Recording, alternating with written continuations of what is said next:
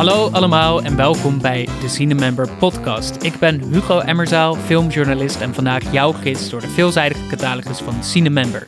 In elke aflevering haal ik in nog geen 15 minuten de keuzestress bij je weg over welke films je thuis zou kunnen kijken en daarbij licht ik ook nog uit welke nieuwe films op het platform verschijnen.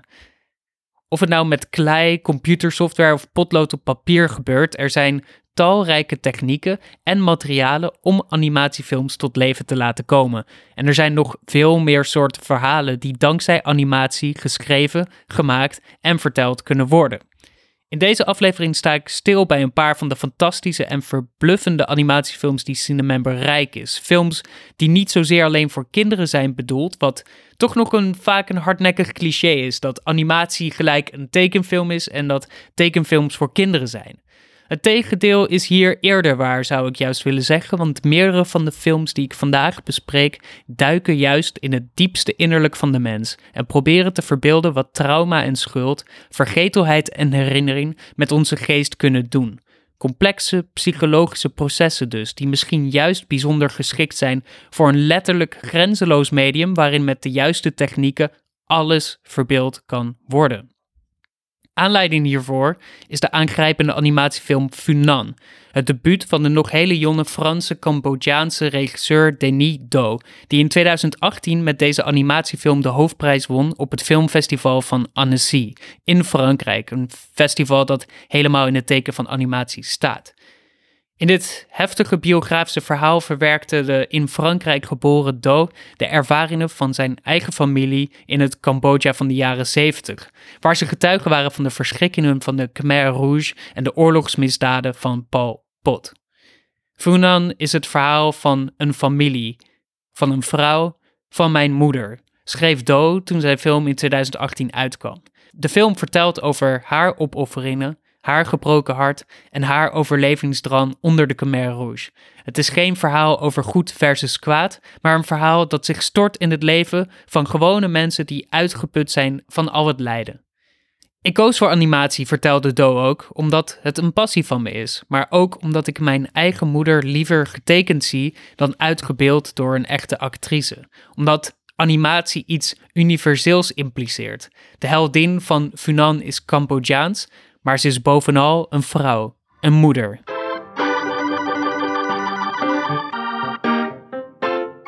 Universaliteit. In dat woord geldt misschien wel de kracht van animatie als een filmtechniek. De meest specifieke verhalen kunnen toegankelijk worden gemaakt op deze manier voor een groot publiek. En misschien zijn kinderen inderdaad daardoor wel zo aangetrokken tot cartoons en tekenfilms, omdat ze met verbeeldingskracht zijn gemaakt en daardoor ook automatisch tot de verbeelding spreken. Wat Overigens niet betekent dat je hoeft in te boeten aan details en specificiteit in animatiefilms. Integendeel, wat animatiefilms juist zo goed maakt, is dat ze alles kunnen verbeelden. De meest extreme gebeurtenissen en de meest intieme gevoelens en gedachten. Dat contrast, dus die twee uitersten, wordt prachtig verkend in misschien wel een van de meest indrukwekkende animatiefilms van de 21ste eeuw, Waltz with Bashir van de Israëlische regisseur Ari Folman. Het is eigenlijk meer een documentaire dan een animatiefilm over Volmans eigen verleden en zijn rol in de Libanese burgeroorlog, die van midden jaren 70 tot aan 1990 woedde en resulteerde in het overlijden van zo'n kwart miljoen mensen. Als Israëlische jonge man verplicht in dienstplicht in het Israëlische leger, raakte Volman ook in dit conflict terecht. Een ervaring die hij actief uit zijn herinnering heeft proberen te plaatsen, maar zulke traumatische ervaringen laten zich natuurlijk nooit volledig verdrijven. Met Waltz with Bashir gaat Volman dus eigenlijk op onderzoek uit. Wat is er over van zijn herinneringen aan deze burgeroorlog en de bestorming van Beirut in 1982, waar hij een deel van was? Het begint allemaal bij een nachtmerrie. En niet eens de nachtmerrie van Volman zelf, maar van een vriend die in zijn dromen keer op keer achtervolgd wordt door een roedel honden. 26 zijn het er om precies te zijn en dat is het exact aantal honden dat deze vriend tijdens de oorlog heeft moeten omleggen. Die nachtmerrie en het trauma waar dat voor staat betekent dan ook het begin van een zoektocht naar Volmans eigen verleden en zijn eigen herinneringen. De regisseur spoort andere bevriende veteranen op en pluist zo uit hoe zijn eigen leven er zo'n 25 jaar eerder uit heeft gezien in tijden van oorlog en conflict. En animatie doet hier eigenlijk wat het gefilmde beeld niet kan. Het brengt een vervlogen tijd tot leven, maar laat ook de ruimte over voor de verbeelding om de gaten van Volmans herinneringen zelf in te vullen. En dat uitzicht in een hele bijzondere animatiestijl, die deels handgetekend, deels digitaal bewerkt is. En deels is gemaakt dankzij een techniek die rotoscoping heet. Een proces waarbij je scènes eerst filmt met de camera en daarna met animatietechnieken als het ware overtekent. Bewegingen zien er daardoor natuurlijk en realistisch uit, omdat ze echt met de camera zijn vastgelegd, maar geven vervolgens dus wel de vrijheid aan de makers om hun eigen tekenstijl erbovenop te leggen. Waltz with Bashir is daardoor een van de beste voorbeelden van wat je met animatie allemaal kan doen. De stijl is expressief in beeld en kleur, gelaagd in beweging en in compositie, veelzijdig in vorm en in feel. Elke scène vangt zo een subjectieve ervaring, wat dan weer past bij het verhaal over een man die zijn trauma en schuld probeert te adresseren. De film laat daardoor ook een bijzonder sterk contrast zien tussen de waanzin van de oorlog in de jaren 80 en de nasleep meer dan 20 jaar later, wanneer het alledaagse leven er alles aan probeert te doen om je te laten vergeten.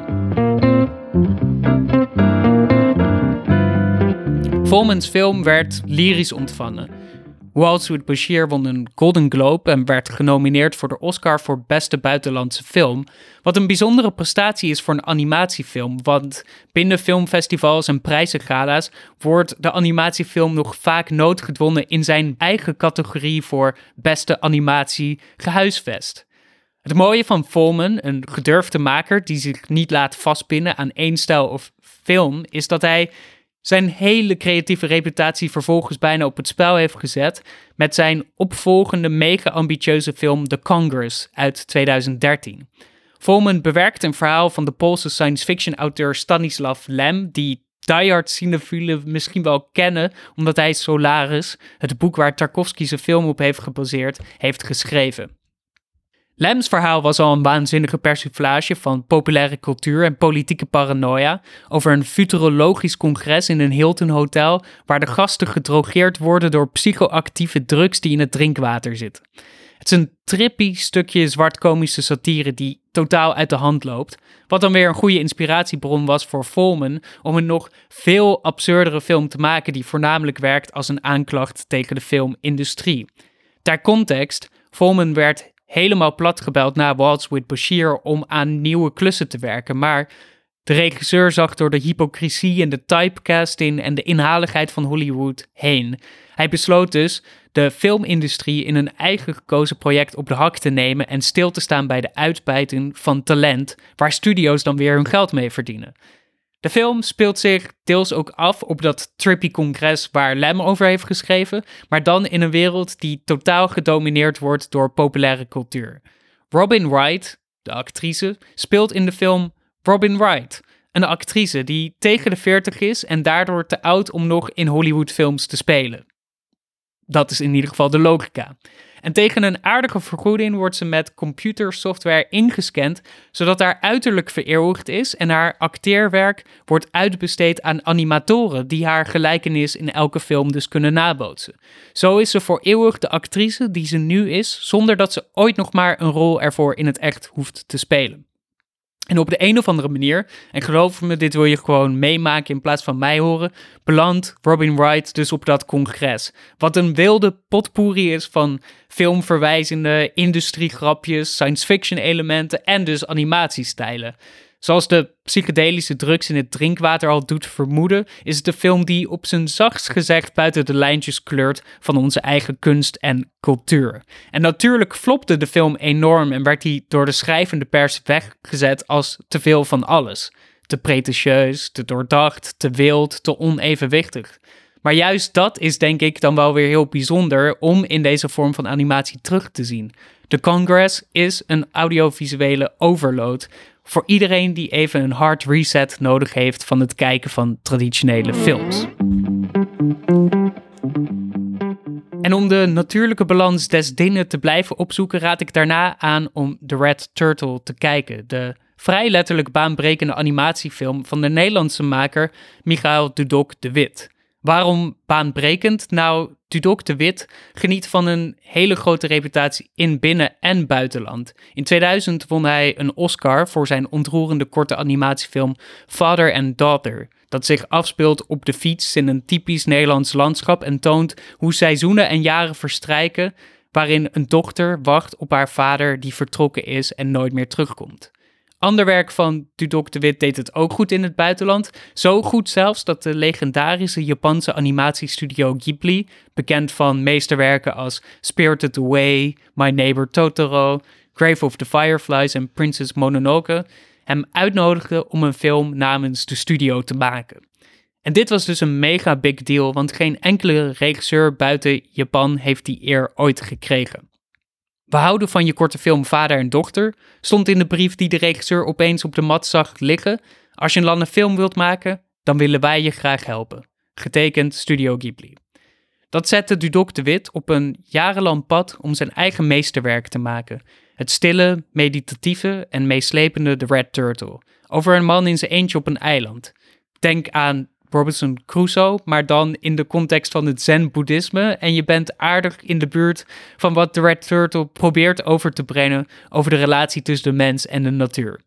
Het is een minimalistische film, zou je kunnen zeggen, met weinig plot en geen dialoog, maar wel met een overweldigend emotioneel effect. Simpelweg een droomachtige animatiefilm om je in vervoering te brengen en mee te nemen naar een andere wereld. Om leven te blazen in de droom van een excentrieke en autonome maker die tot op het, tot op het detail alles wat in zijn hoofd zit heeft weten te animeren. Nog twee nieuwe films staan sinds deze week ook op Cinemember. Cafar is toevallig ook een Belgische animatiefilm en toevallig ook eentje over oorlog, maar dat in dit geval dan de Eerste Wereldoorlog. En The Tunnel, een Noorse actietriller slash rampenfilm over een afgesloten, ingesneeuwde tunnel waar een verkeersongeluk is gebeurd met een tankwagen. Dat allemaal dus samen met Funan, The Waltz with Bashir, The Congress en The Red Turtle op Cinemember.